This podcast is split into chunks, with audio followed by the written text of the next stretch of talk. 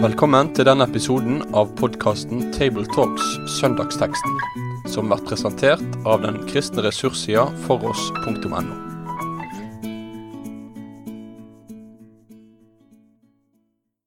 Hjertelig velkommen til en ny episode av eh, Tabletalks, eh, der vi går gjennom søndagens tekst. Og I dag så skal vi snakke sammen om eh, teksten fra Lukas 8, vers 1-3, som er knytta til tolvte søndag i treenighetstida. Det betyr søndag 12. august. Og treenighetstida, som er den perioden av kirkeåret vi er inne i nå, der har vi jo allerede vært en stund. Vi kom til nummer tolv, og vi skal jammen vel være en stund til i treenighetstida. Eh, for det er jo den andre halvdelen av kirkeåret. Eh, og da er det jo sånn at i den første delen av kirkeåret så feirer vi alle festene og høytidene som markerer de store gjerningene Gud gjorde til vår frelse. Og så er det på mange måter treningstida en slags eh, utfoldelse av konsekvensene av, av, det, og tekster som handler om liv i trua, om det å være disippel, om det å følge Jesus. Og så ligger det en sånn vekt eller tone i våre tekster, både i prekenteksten, men òg i lesetekstene i dag, som er knytta litt til at den tjenesten som en gjør for Gud i Hans rike, det er en tjeneste som en gjør litt på bakgrunn av Ikke bare litt, men på bakgrunn av at han har gjort noe for oss. Det er både teksten fra Jesaja, en tekst om en Gud som aldri glemmer, og som har omsorg for sitt folk, og hans folk er tegna i hans hender. Og så er det en annen lesetekst fra Lukas, nei, fra andre Korinterbrev, eh, 9, hvor vi leser om givertjeneste. Så vi ser en fin eh, sånn dynamikk mellom den Gud og det han har gjort, og eh, den givertjenesten. Og så skal vi jo se at noe av det samme gjelder òg eh, i vår tekst i dag. Så har jeg med meg i eh, samtalepanelet i dag Toril Slottsveen Asp. Og Sverre Bø. Og så skal Toril, tradisjonen tro, få lov å lese teksten fra Lukas 8, vers 1-3. I tiden som fulgte, reiste Jesus omkring og forkynte i byene og landsbyene og bar fram det gode budskapet om Guds rike. De tolv var med ham, og noen kvinner som var blitt helbredet for onde ånder og sykdommer. Det var Maria med tilnavnet Magdalena, som sju onde ånder hadde fart ut av. Johanna, som var gift med Kusa, en forvalter hos Herodes. Og Susanna og mange andre. Med det de eide, hjalp de Jesus og de tolv. Og dette er jo en tekst som vi kan virkelig kalle for en rammefortelling, kanskje. Eh, masse, masse, historiske opplysninger som, eh, som, ble gitt, som på en måte oppsummerer mye av Jesu forkynnende gjerning. og eh, Toril, du nevnte jo på at i en kommentar du hadde lest, så sto det til og med om 'travel arrangements' som en overskrift på denne teksten. Så jeg får gjerne en følelse av at det er en tekst som ofte eh, en eh, litt fort behandler i, i, eh, tolkninger og sånt. Og så er jammen meg vel denne teksten blitt prekentekst for vår søndag. Og det er litt stilig og litt artig, eh, og vi skal forhåpentligvis kunne få fram noen viktige sider òg i, i, denne teksten her, da. Og det har jeg lyst til å kommentere litt. Mm. For hvis du leser Lukas sitt evangelium og Lukas sine apostelgjerningene, så finner du ganske mange oppsummeringer som kommer nokså tett. Mm. Dem må vi ikke hoppe over. De har et selvstendig budskap som er ufattelig interessant. Så hvis en har tid til å bare stanse for dem og legge dem ved siden av hverandre, så er det i seg sjøl utmerkede prekentekster, slik denne viser seg å være når vi går litt mer inn på den. Så la oss ikke legge Guds ord til side og hoppe til neste for fort. Mm. Det ligger noe velsignelse i nesten hver eneste bit. Ja, fint. Så er det litt vanskelig med disse overskriftene, for i vår bibel så står det jo 'Kvinner som fulgte Jesus' er en overskrift. Eh, så jeg tenker det er kanskje fint å vite at overskriften bare peker mot ett element i teksten, som i og for seg kan være viktig, men at det handler jo tross alt om mer enn akkurat det overskriften sier, da. Godt poeng. Men vi kan gjerne begynne med overskriften likevel, for her tales det altså om kvinner, og det er jo en ting som en gjerne eh, Lukas er kjent for. Eh, at han er en kvinnenes mann. holdt jeg på å. Han er en som eh, ikke nøler med å lufte fram eh, at kvinner var viktige i Jesu følge, og, og, som en del av dette fellesskapet rundt Jesus. Og Her får vi jo navngitt noen, og, og vi leser òg at de har en, har en viktig rolle i, i, i disippelflokken til Jesus. Og Det er en ting vi gjerne av og til glemmer. og at, at, det står en del om. Jeg vet ikke hvordan vi Jeg merker selv at jeg ofte tenker på Jesus og disiplene. Og så er det jammen vel Det er en større gjeng her som er samla. Det er sikkert noen kokekarer og noen ryggsekker som bæres, og, og, ulike tjenester som blir gjort i dette fellesskapet rundt Jesus. Ja, Det må vi gjerne tenke litt over, for uh, mange steder står det om de tolv, og så står det noen steder om de 70 som var ute på spesielle oppdrag. Og så har vi denne fine gruppen som er omtalt her. Og så får vi inntrykk av at det er mange steder der Jesus har lokale støtter, sånn som Martha, Maria og Lasarus. Eh, så det er mange grupperinger og litt forskjellige oppgaver og funksjoner. Og for så vidt, en av de tolv var jo kasserer, da. Noe så enkelt og elementært som å ta hånd om økonomien. Eh, så i utgangspunktet er Lukas veldig behjelpelig med å synliggjøre at her var det mange slag. Når det gjelder Lukas og kvinnene, så er det ikke noen tvil om at Lukas er den av forfatterne i Nytestamentet som oftest gjør et poeng av og løfter frem kvinner som har ulike oppgaver og er til stede. Samtidig så er kanskje en del av feministteologien dobbelt ark på Lukas, for han viser at de er der. Men han viser også tjenestene deres litt differensiert ifra de tolv. Eh, så en viss sånn organisering, hvem gjør hva, Eh, kan du ane ut ifra det Lukas skriver, men for all del, verken kvinner eller menn i andre oppgaver forties eller fortrenges. Mm. Og det er et stort poeng for oss andre. Vi tenker så lett høy og lav og viktig og uviktig. Jesus lærte oss en helt annen orden som sier at vi skal være hverandres tjenere og trofaste i det Gud har betrodd oss, eh, og ikke drive en maktkamporganisasjon. Så slår det meg jo For det, det er jo et litt sånn et uh, fargerikt følge, dette her, tror jeg. Uh, du har altså ja, den, den gjengen rundt Jesus, og de, de går rundt på disse støvete veiene i Galilea. De går fra landsbyer til byer, og det var løye å se hvordan det så ut. Og så ser vi også at du har, du har jo alltid fra Maria Magdalena, som har vært Det står at du har hatt sju onde ånder. Eh, og litt senere i Lukas så, så nevner, jo, Jesus det at tallet sju i forbindelse med sånne problemtilfeller eh, egentlig av besettelse. At eh, hvis en ånd hvis en ånd er dreven ut, og så går det en tid, og så kommer han tilbake igjen og finner huset kosta og feid og tar med seg sju kompiser og flytter inn. Altså, Maria virket egentlig å ha vært veldig langt nede i, eh, i ja, og hatt det veldig vanskelig bakgrunn. Og så har du Johanna, som er gift med en høyt embetsmann hos eh, Herodes, og har kanskje klart å ikke om hun klarer å snike seg med, eller hva hun gjør.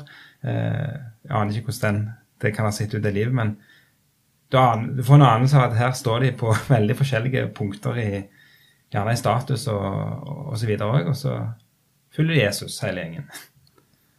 Og så tenker jeg det du snakka om sju, når tallet sju brukes, så er det vel også et symbol for helheten. Det er liksom noe så um, da, da, har du sagt det hele når du bruker det sjutallet. Så det betyr jo at um, når Maria Magdalena har hatt sju onde ånder i seg, da har hun vært ganske totalt overgitt til, til elendigheten. Og jeg tenker jo også at når hun da blir befridd fra disse åndene, så er det jo ikke sikkert at hun skifter sin personlighet. Altså man blir jo gjerne preget av den man er, selv om man blir befridd. Og det kan påvirke hvordan hun også er å være sammen med i et fellesskap. Så hun kom jo derfra, og hun Hvis jeg har forstått det riktig, så er jo han eh, forvalteren hos Herodes er jo egentlig i tjeneste hos okkupasjonsmaktene. Så hun er jo knytta mm. til hun Johanna er jo knytta til noe som eh, er veldig problematisk i det samfunnet de er en del av. Så det er ganske voldsomme, de spenningene. Ehm, men så tenkte jeg at eh, når han tar fram kvinner, da, så, så er det mange tilfeller av at kvinner Kvinners tro og hengivelse til Jesus er litt annerledes enn mennenes. Hvis du tenker feministteologi, så er det ikke sikkert de er så glad i å snakke om det på den måten.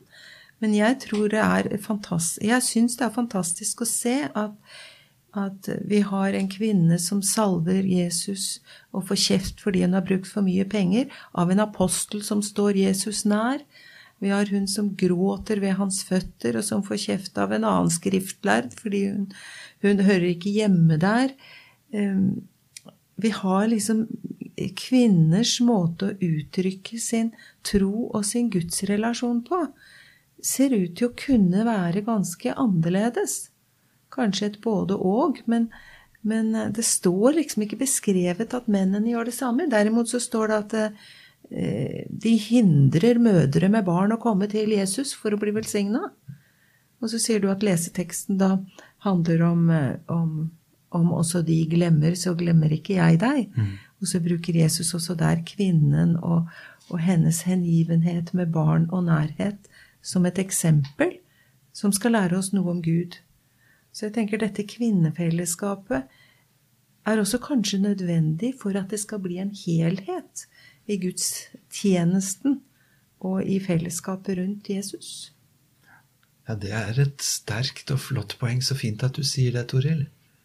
Og vi må heller ikke tenke som så at de kvinnene som var med, og som fulgte og tjente Jesus og de tolv, de var festkomité, men ikke noe annet enn det. For de lyttet jo til det han sa. Det var en kvinne som satt så fengslet ved Jesu føtter og hørte på hans forkynnelse at det var ingenting som klarte å rokke henne bort fra den plassen. Eh, så for all del. Eh, det er innersiden av Guds rike. Det er tro, tilbedelse, lytte til hans forkynnelse. Jesus var en rabbi som forkynte både til kvinner og til menn, og det har vært uvanlig. Og som hadde tid for barn. Og som du også sier, Toril, her er det noen assosiert med Herodes, samtidig som en av de tolv har tilnavnet Seloten, som var den motsatte parten av de som bare ville gå til umiddelbart væpnet opprør. Det kan hende at det tilnavnet hadde han ifra en fortid der han var med der, men det viser noe av spennvidden, som du sier.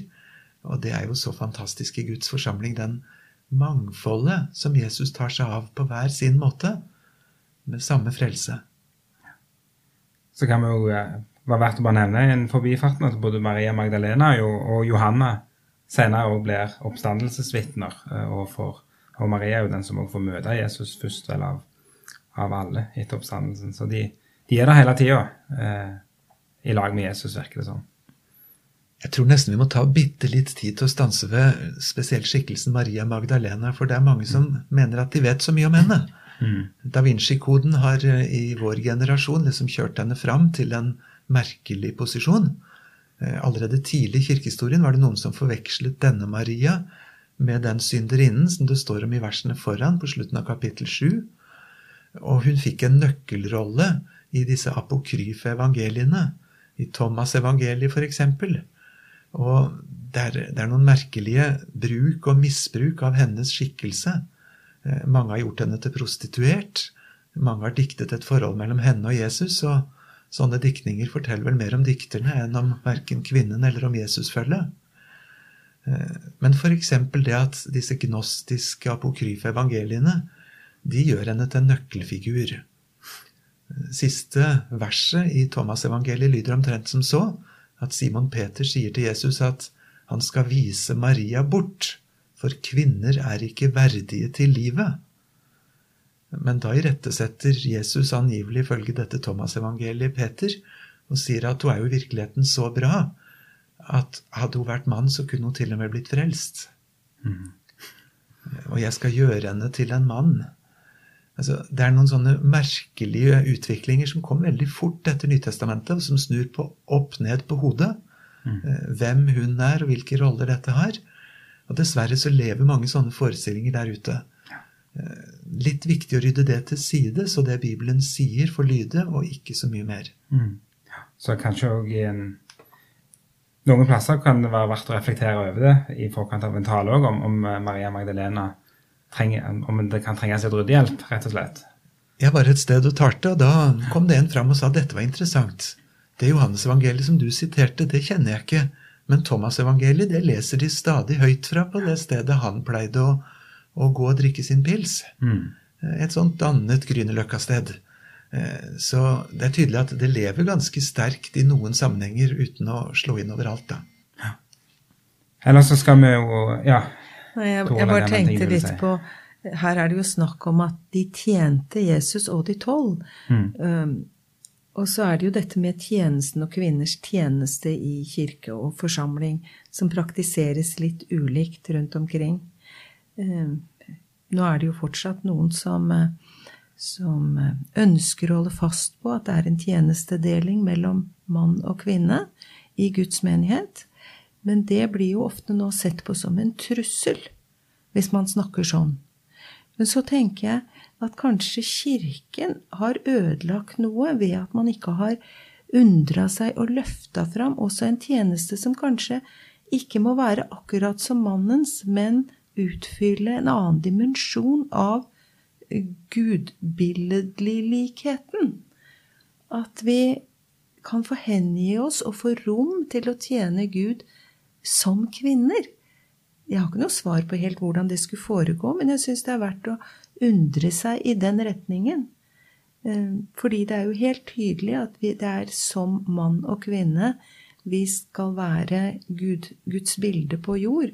Og da er det ikke sånn at kvinnen Du sa festkomité. Kvinnen skal gjøre alt usynlig, og mannen skal gjøre alt det synlige. Mm. Men kvinner må ikke bli mest mulig lik mannen og mannens roller for å kunne tjene Jesus. Så ja. Det er et spennende mm. område som kanskje kan åpne dører og ikke bare være truende mm. i den diskusjonen. Ja, for vi gjør jo egentlig en veldig stor forbrytelse hvis det at vi samler mer eller mindre alle tjenester i ett eller to-tre forskjellige oppdrag, og så passiviseres alle de andre. Da er vi jo fullstendig langt på siden av det Nytestamentet gir. Det må jo være et mye større mangfold av nådegaver, av oppgaver, tjenester og fellesskap. Så der trenger vi å hjelpe hverandre til å slippe fram på en sunn og god bibelsk måte det Herren gir. Mm. Så har jeg lyst til å løfte fram en ting til i den teksten. og Det er jo det som står innledningsvis med at eh, Jesus og hans følge da reiser rundt, og de, de forkynner og bærer fram det gode budskap. Eh, og, og, her har vi jo både et metta uttrykk som Guds rike, og så har vi jo dette med forkynne og, og bære fram det gode budskap, som vel på, på gresk handler om eh, eh, proklamere og evangelisere, som vel er på mange måter de to, eh, to uttrykkene som brukes her, og, og gjerne kan sies, sies sammen at det her er et godt budskap som nå, nå skal proklameres høyt og tydelig på alle gater og streder rundt omkring i byer og landsbyer i Galilea og etter hvert òg sørover mot Judea. Og, og, så er det dette Guds rike som er, er det som, som forkynnes. Og det, da er vi jo inne i en uh, stor labyrint av uh, meninger. Uh, Sverre? Jeg syns den fineste forklaringen på hva Guds rike er, lyder med tre enkle ledd. Guds rike er frelsens gave, det er frelsens tid, og det er frelsens sted. Altså, Her kommer Jesus og apostlene og sier nå fins det frelse. Den fins nå. Den fins her, og det er en gave. Og Bruker du det som en enkel peilepinn hver gang du leser om Guds rike, mm. det er der hvor frelsen får lov å flytte inn her og nå til noen som tar det imot som en gave, så blir det ikke så fryktelig problematisk og vanskelig. For slik er det nå, slik skal det være like til den dag Herren kommer tilbake igjen. Eh, dette var det disiplene både proklamerte og snakket glad én til én om den gode nyheten. Og så er det jo et sterkt be bevis på at det er noe nytt som har brutt inn, da, når disse kvinnene som er med, eh, er mennesker som er blitt helbredet for onde ånder og sykdommer. Så de er jo Beviset er jo med. At, at Guds rike representerer eh, motkraften til eh, dødens krefter. Det, det syns jeg har vært litt spennende med å se på hvordan de utførte sin tjeneste i dette fellesskapet de, de forflytta seg som et relativt stort fellesskap til nye steder. Og vi ser jo også ellers hvordan disiplene hjelper Jesus med å Her er det noen som spør etter deg, og her er det noen som vil møte deg, og nei, dere får vente. Og, altså, de er med og organiserer rundt Jesu forkynnelse. Um, og så har du denne kvinnegjengen, da, som står på med det de eier, og hjelper Jesus og de tolv. Så de ser hvor trengs vi nå? Hva er det som trengs å, å legges til rette? Vi er klar til å yte alt vi kan. Også når de kommer vandrende, så får jo, ikke, eh, får jo ikke menneskene bare høre nye ord, men de får jo se en ny realitet. ved at det kristne fellesskapet er foran dem, noe de kan inviteres inn i. Det syns jeg er et sterkt eksempel på det fra, fra, nåtida. Jeg har noen venner som står veldig på for en ung eh, kristen afghansk gutt som er blitt utvist fra Norge. Og han har nå bodd i Afghanistan, hvor han ikke vokste opp. Bodd i Kabul, vært veldig redd. Antagelig veldig nær selvmordet, men de har ringt han. Ei dame i Norge har ringt han hver dag i et år, tror jeg. Og og han har fått bodd hos en muslimsk familie som er veldig vennlig. Han har ikke turt å si at han er kristen. Men nå har han kommet seg til Tyrkia og også har kontakt med noen vennligsinnede muslimer som kanskje ikke helt vet at han er kristen heller. Men disse i Norge står på, de har kontakt, de jobber for han, de støtter han med husleie der han bor. Og det som skjer, er at disse muslimene rundt han, de vet ikke egentlig at dette er en kristen menighet, på en måte, som arbeider. Men de er så slått av hvordan mennesker som ikke er muslimer, gidder å bry seg. Og tjene denne gutten, da, med det de eier. Så jeg tenker det er, det er et veldig sterkt vitnesbyrd at vi bruker det vi eier, og de midlene vi har, og hjelper der vi kan i og utenfor Guds kirke. Og at Guds rike også strekker seg utover kanskje våre grenser mange ganger.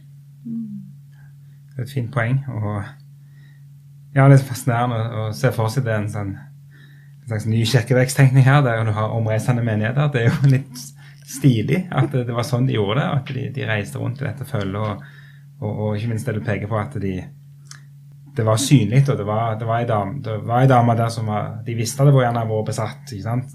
Det var ei de visste det var syke, og nå ser de at de er i med Jesus, og de ser at de har kommet seg på beina, og de fortjener i, i det fellesskapet. og hvordan det i seg sjøl er et, et, fantastisk vitnesbyrd. Men det vil jo ikke passe overens med vår, vår strategitenkning og målsetninger om å være effektive. Mm. Men likevel så hadde de tid til å gå til alle landsbyene rundt omkring, ute på bygda, der det kanskje ikke var så mange, selv om det kunne skjedd mye mer og vært mer effektivt, der de allerede var i gang i de litt større byene. Mm. Men eh, jeg, jeg, hørte også nettopp en fortelling fra krigens dager fra en liten plass langt inn i Trysil. Og dit kom tyskerne og krevde å få bo i husene og slo seg til. Og jeg blir slått av Det var jo veldig negativt, ikke sant? Men, men de klarte å oppsøke hvert eneste bitte lille sted ut fra det som var deres visjon, da, og det de følte som sitt kall, selv om det var aldri så negativt. Men det at de på en måte kom seg ut til hver eneste avkrok, det syns jeg var sterkt. De kom med et destruktivt budskap, og her går Jesus og mange andre, og vi er kalt til å være med i følge til å nå ut til disse avkrokene også. Mm. Og plukke opp de som gjerne var i avkroken i samfunnet. Så det er jo en, mm. en fin ting her. Eh, vi har gjerne kommet til det punktet allerede hvor vi skal få oppsummere litt og, og eh, si kort hva vi gjerne ville vektlagt i en uh, tale ved den teksten. Og Toril, du kan gjerne si hva du ville synes hadde vært viktig for deg hvis du skulle talt ved den teksten. Det ene er i hvert fall dette med fellesskapsdimensjonen i tjenesten. At vi ikke sender folk for mye alene inn i oppgavene, men at det er fellesskapet som, som bærer. Både de som står i tjenesten, men også en annen dimensjon i det vi skal forkynne og formidle utad. Og så er det nok det jeg var inne på med, med disse kvinnene som eh, som faktisk er mennesker som har hatt mye lidelse i livet sitt. I hvert fall ser det sånn ut her. Og at de har fått eh, møte Jesus. Eh, kommet på beina på en eller annen måte etter sin lidelse, i sin lidelse, og så hengir de seg til en tjeneste hvor det de eier, om det er stort eller lite, det er nå tilgjengelig for å, å hjelpe Jesus og de tolv å være i i tjenesten. Og brukt litt mer tid på å tenke hvordan var kvinner når de var i tjeneste for Jesus. Mm. Sverre? Jeg håper at eh, både med ord og ikke minst i virkeligheten så får vi plass for så forskjellige de er, de som vil være i lag med Jesus. Mm. Det er plass for en Maria outsider Magdalene, med det vi har hørt om. Men så er det også plass for en Johanne, som er gift med en rik embetsmann. Og så er det plass for en helt anonym Susanna, som ikke vi hører så mye mer om. Og så er det plass for en Sakkeus i den enden av skalaen. Og for en Nikodemus, for den saks skyld. For en Bartimeus. Og får vi mangfoldet fra Bibelen, så gir det også kanskje litt større toleranse for at den menighet og den fellesskapet jeg skal tilhøre, behøver ikke se ut sånn som jeg og vi andre gjør. Det er vi enige om i teorien, men det utfordrer oss ganske mye i praksis hvis vi skal åpne hjemmet vårt. Og det er så forskjellige behov de hadde, de som kom til ham. Men Jesus hadde tid for dem og møtte dem. Og så får de bli nye lemmer på det store fellesskapet. Det er en enorm drøm å få være med og bidra i all enkelhet til at det må virkeliggjøres. Fint. Så de like barn sier vi leker best, men jammen vel hos Jesus så er de ikke så veldig like. Det er en, en fin visjon. Jeg tror han òg ville tenkt det her med at de først var blitt betjent av Jesus, for å si det sånn, og, og at de nå tjener. altså Det er litt samme som du Tor nevnte, at eh, gjerne ville satt, satt en ekstra strek under da, på en sånn dag. Kan jeg legge til en liten En ting? Mm. Um, og det er den siste, setningen med det de eide, hjalp de Jesus og de tolv. Så Jesus og de tolv, de trengte hjelp av de som tilfeldigvis akkurat da hadde noe å bidra med. Um, fra Sør-Afrika så kjenner vi et, et par, et eldre par nå, som har drevet et retreatsted i mange år. Og det ble til på den måten at de kjente en veldig kall til en sånn type tjeneste. Men de hadde jo overhodet ikke midler. De jobba i kirken, og det ble man ikke rik av. Så de kunne jo ikke kjøpe noe sted. Og så var det da tre andre ektepar som gikk sammen med dem og kjøpte et egna sted. Og så var det bare de som flyttet dit og drev retreatarbeidet. Men ikke sant, det der å, å, stå rundt og bidra med det en eier, for at de som er kalt til en spesiell tjeneste, kan få stå i den, det syns jeg var så flott. Og jeg tenker at det blir på en måte en, en bønn hos meg for meg sjøl og for det kristne fellesskapet. At det blir på en måte dypt inni oss selvsagt. Det vi eier, skal brukes til å hjelpe Jesus og alle som står i hans tjeneste.